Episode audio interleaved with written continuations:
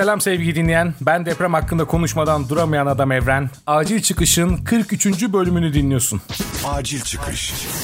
17 Ağustos zamanı artık deprem hakkında konuşmak istemediğimi söylemiştim. Defalarca ne kadar hazır olmadığımız hakkında konuşmak sıkmaya başlamıştı çünkü.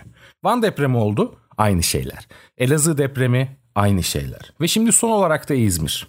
Birileri ailesiz kalıyor, birileri çocuklarını, arkadaşlarını, sevdiklerini kaybediyor ve biz daha onların acısı soğumadan Büyük İstanbul depremini ve getireceği felaketi konuşmaya başlıyoruz. Bana ise her olan deprem bir zaman yolculuğu yaptırıyor. İzlediğim her yıkılan bina görüntüsü 17 Ağustos'a götürüyor. O zamanlar 9 yaşındaydım. Bilmediğim, anlamadığım çok duygu vardı. Sanki hayatta böyle şeyler olması normal gibi geliyordu o zamanlar. Şimdi ise bu zaman yolculuklarını bildiğim duygularla, ağır empati yaparak 30 yaşında bir adam olarak yapıyorum ve İzmir depreminde fark ettim ki insan beyni asla unutmuyor. Olayların bağlantılarını sana çok iyi kurdurup sanki o günleri tekrar yaşıyormuşsun gibi hissettiriyor. İzmir depreminde yine birçok vatandaş ekiplerin çalışması sayesinde saatler sonra kurtulmayı başardı. Bu mucize kurtuluşları saatlerce izledik ekran başında. Ama insan ister istemez şu soruyu hemen sormaya başlıyor. En azından ben soruyorum. Kurtulan kişi eğer içeride ailesi, sevdikleri kaldıysa, onlar çıkamadıysa bunun gerçekten bir mucize olduğunu düşünecek mi? Bu psikolojiyi ne zaman atlatacak? Kendine neden ben, neden onlar değil de ben yaşıyorum diye sormayı bırakması ne kadar süre alacak? İşte bunlar da bu mucizelerin başka bir karanlık yönü sevgili dinleyen. Neyse yine buralarda dolaşmaya gerek yok. 20 yıldır devletten alınması gereken önlemlerden, hazırlıklardan, binaların boktanlığından konuşuyoruz. İzmir depreminin de bazı şeyleri hızla değiştireceğini beklemek artık bence saflık. Hele ki şimdiki ekonomik durumda iyice beklentileri düşürmek lazım. Yani umarım yanılırım diye de ekleyeyim tabii. O yüzden artık kendimize bakalım. Bizim alabileceğimiz önlemleri daha çok konuşalım, daha çok aklımızda barındıralım. Deprem sonrasında internette birçok paylaşım oldu. Bunlardan birini özellikle seninle de paylaşmak istiyorum.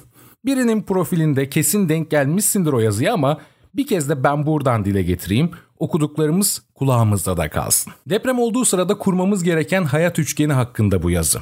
Amerikalı uzman bir kurtarma görevlisi olan Doc Cobb kaleme almış. Tabi bazen internette birileri sahte isimlerle bu şekilde paylaşımlar yapabiliyor.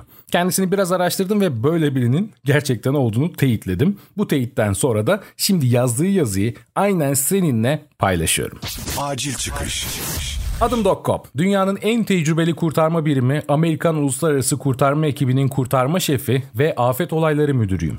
Bu makaledeki bilgiler bir deprem anında hayat kurtaracaktır. İçinde 20 maket olan bir okulu ve evi yıktık. Burada bahsettiğim maketler bu arada hani araba testlerinde kullanılan maketler. 10 maket çömel ve korun metodunu uygularken 10 maket hayat üçgeni metodumu uyguladı. Tasarlanmış yıkımdan sonra görüntüleri filme almak ve sonuçları belgelemek için enkazı geçip binaya girdik. Bina yıkımlarında oluşabilecek şartlar dahilinde direkt olarak gözlemlenebilen ve bilimsel şartlar altında hayatta kalma tekniklerimi uyguladığım film, çömelip korunan, saklanan kişiler için hayatta kalma şansının sıfır olduğunu ortaya koydu.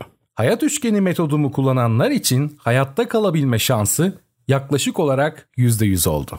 Enkazına girdiğim ilk bina 1985 Meksiko City depreminde bir okuldu. Bütün çocuklar sıralarının altındaydı. Her bir çocuk kemiklerinin kalınlığına kadar ezilmişlerdi. Sıralarının yanındaki koridorlara uzanmış olsalardı hayatta kalmış olabilirlerdi. Bu ayıptı, gereksizdi ve çocukların neden koridorda sıraların arasında olmadığını merak ettim. O an çocuklara bir şeyin eşyanın altına saklanmalarının söylendiğini bilmiyordum. Basitçe ifade edilirse binalar yıkılırken objelerin üzerine düşen tavan ağırlığı veya içindeki mobilyalar bu nesnelere çarparken yanlarında bir yer, bir boşluk bırakırlar. Bu boşluk benim hayat üçgeni dediğim alandır. Nesne ne kadar büyük ve ne kadar dayanıklı olursa daha az ezilecektir. Nesneler ne kadar az ezilirse boşluk ve bu boşluğu kullanan kişinin yaralanmama olasılığı o kadar artar. Bir dahaki sefere televizyonda yıkılan bina izlerken gördüğün üçgenleri say. Her yerdeler. Yıkılan bir binada göreceğiniz en yaygın biçimdir. Peki deprem sırasında ne yapabiliriz?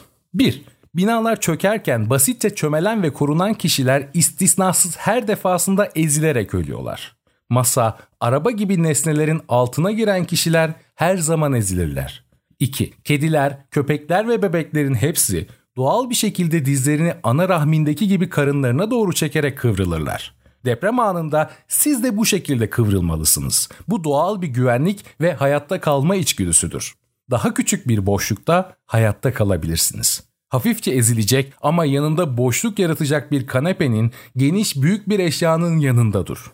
3. Ahşap evler deprem anındaki en güvenli yapılardır. Sebebi basittir. Ahşap esnektir ve depremin zorlamasıyla hareket eder. Eğer ahşap bina çökerse geniş yaşam boşlukları oluşur. Ayrıca ahşap binalar daha az yoğunlukta yıkılış ağırlığına sahiptir. Tuğla binalar ayrı tuğla parçalarına ayrılacaklardır. Tuğlalar birçok yaralanmalara sebep olacaktır ama beton bloklardan daha az ezilmiş vücutlar yaratırlar. 4. Eğer gece yataktayken deprem olursa, basitçe yuvarlanarak yataktan düşün. Yatağın çevresinde güvenli bir boşluk oluşacaktır. Oteller, müşterilerine deprem anında yataklarının yanında yere uzanmalarını salık veren bir uyarı notunu odalarda her kapının arkasına asarlarsa, depremlerde çok büyük hayatta kalma oranlarını sağlayabilirler. 5. Televizyon izlerken deprem olursa ve kolayca kapıdan veya pencereden dışarı kaçmak mümkün değilse, kanepe veya büyük bir koltuğun sandalyenin yanında cenin pozisyonunda kıvrılarak yere uzanın. 6. Bina çökerken kapı kirişlerinin altına geçen herkes ölür. Nasıl mı? Eğer kapı kirişlerinin altına geçerseniz ve kapı kirişi öne veya arkaya doğru düşerse inen tavanın altında ezilirsiniz. Eğer kapı kirişi yana doğru yıkılırsa ikiye bölünürsünüz. Her iki durumda da ölürsünüz. 7. Hiçbir zaman merdivenlere gitmeyin, yönelmeyin. Merdivenler ana binadan farklı bir frekans aralığına sahiptir. Ana binadan bağımsız ayrı olarak sarsılırlar. Merdivenler ve binanın geri kalanı devamlı olarak birbirlerine çarparlar ta ki merdivenlerin yıkılışı gerçekleşene kadar. Merdivenlere ulaşan insanlar basamaklar yüzünden yaralanırlar. Korkunç şekilde sakatlanırlar. Bina yıkılmasa dahi merdivenlerden uzak durun. Merdivenler binanın hasar görmesi en muhtemel kısmıdır.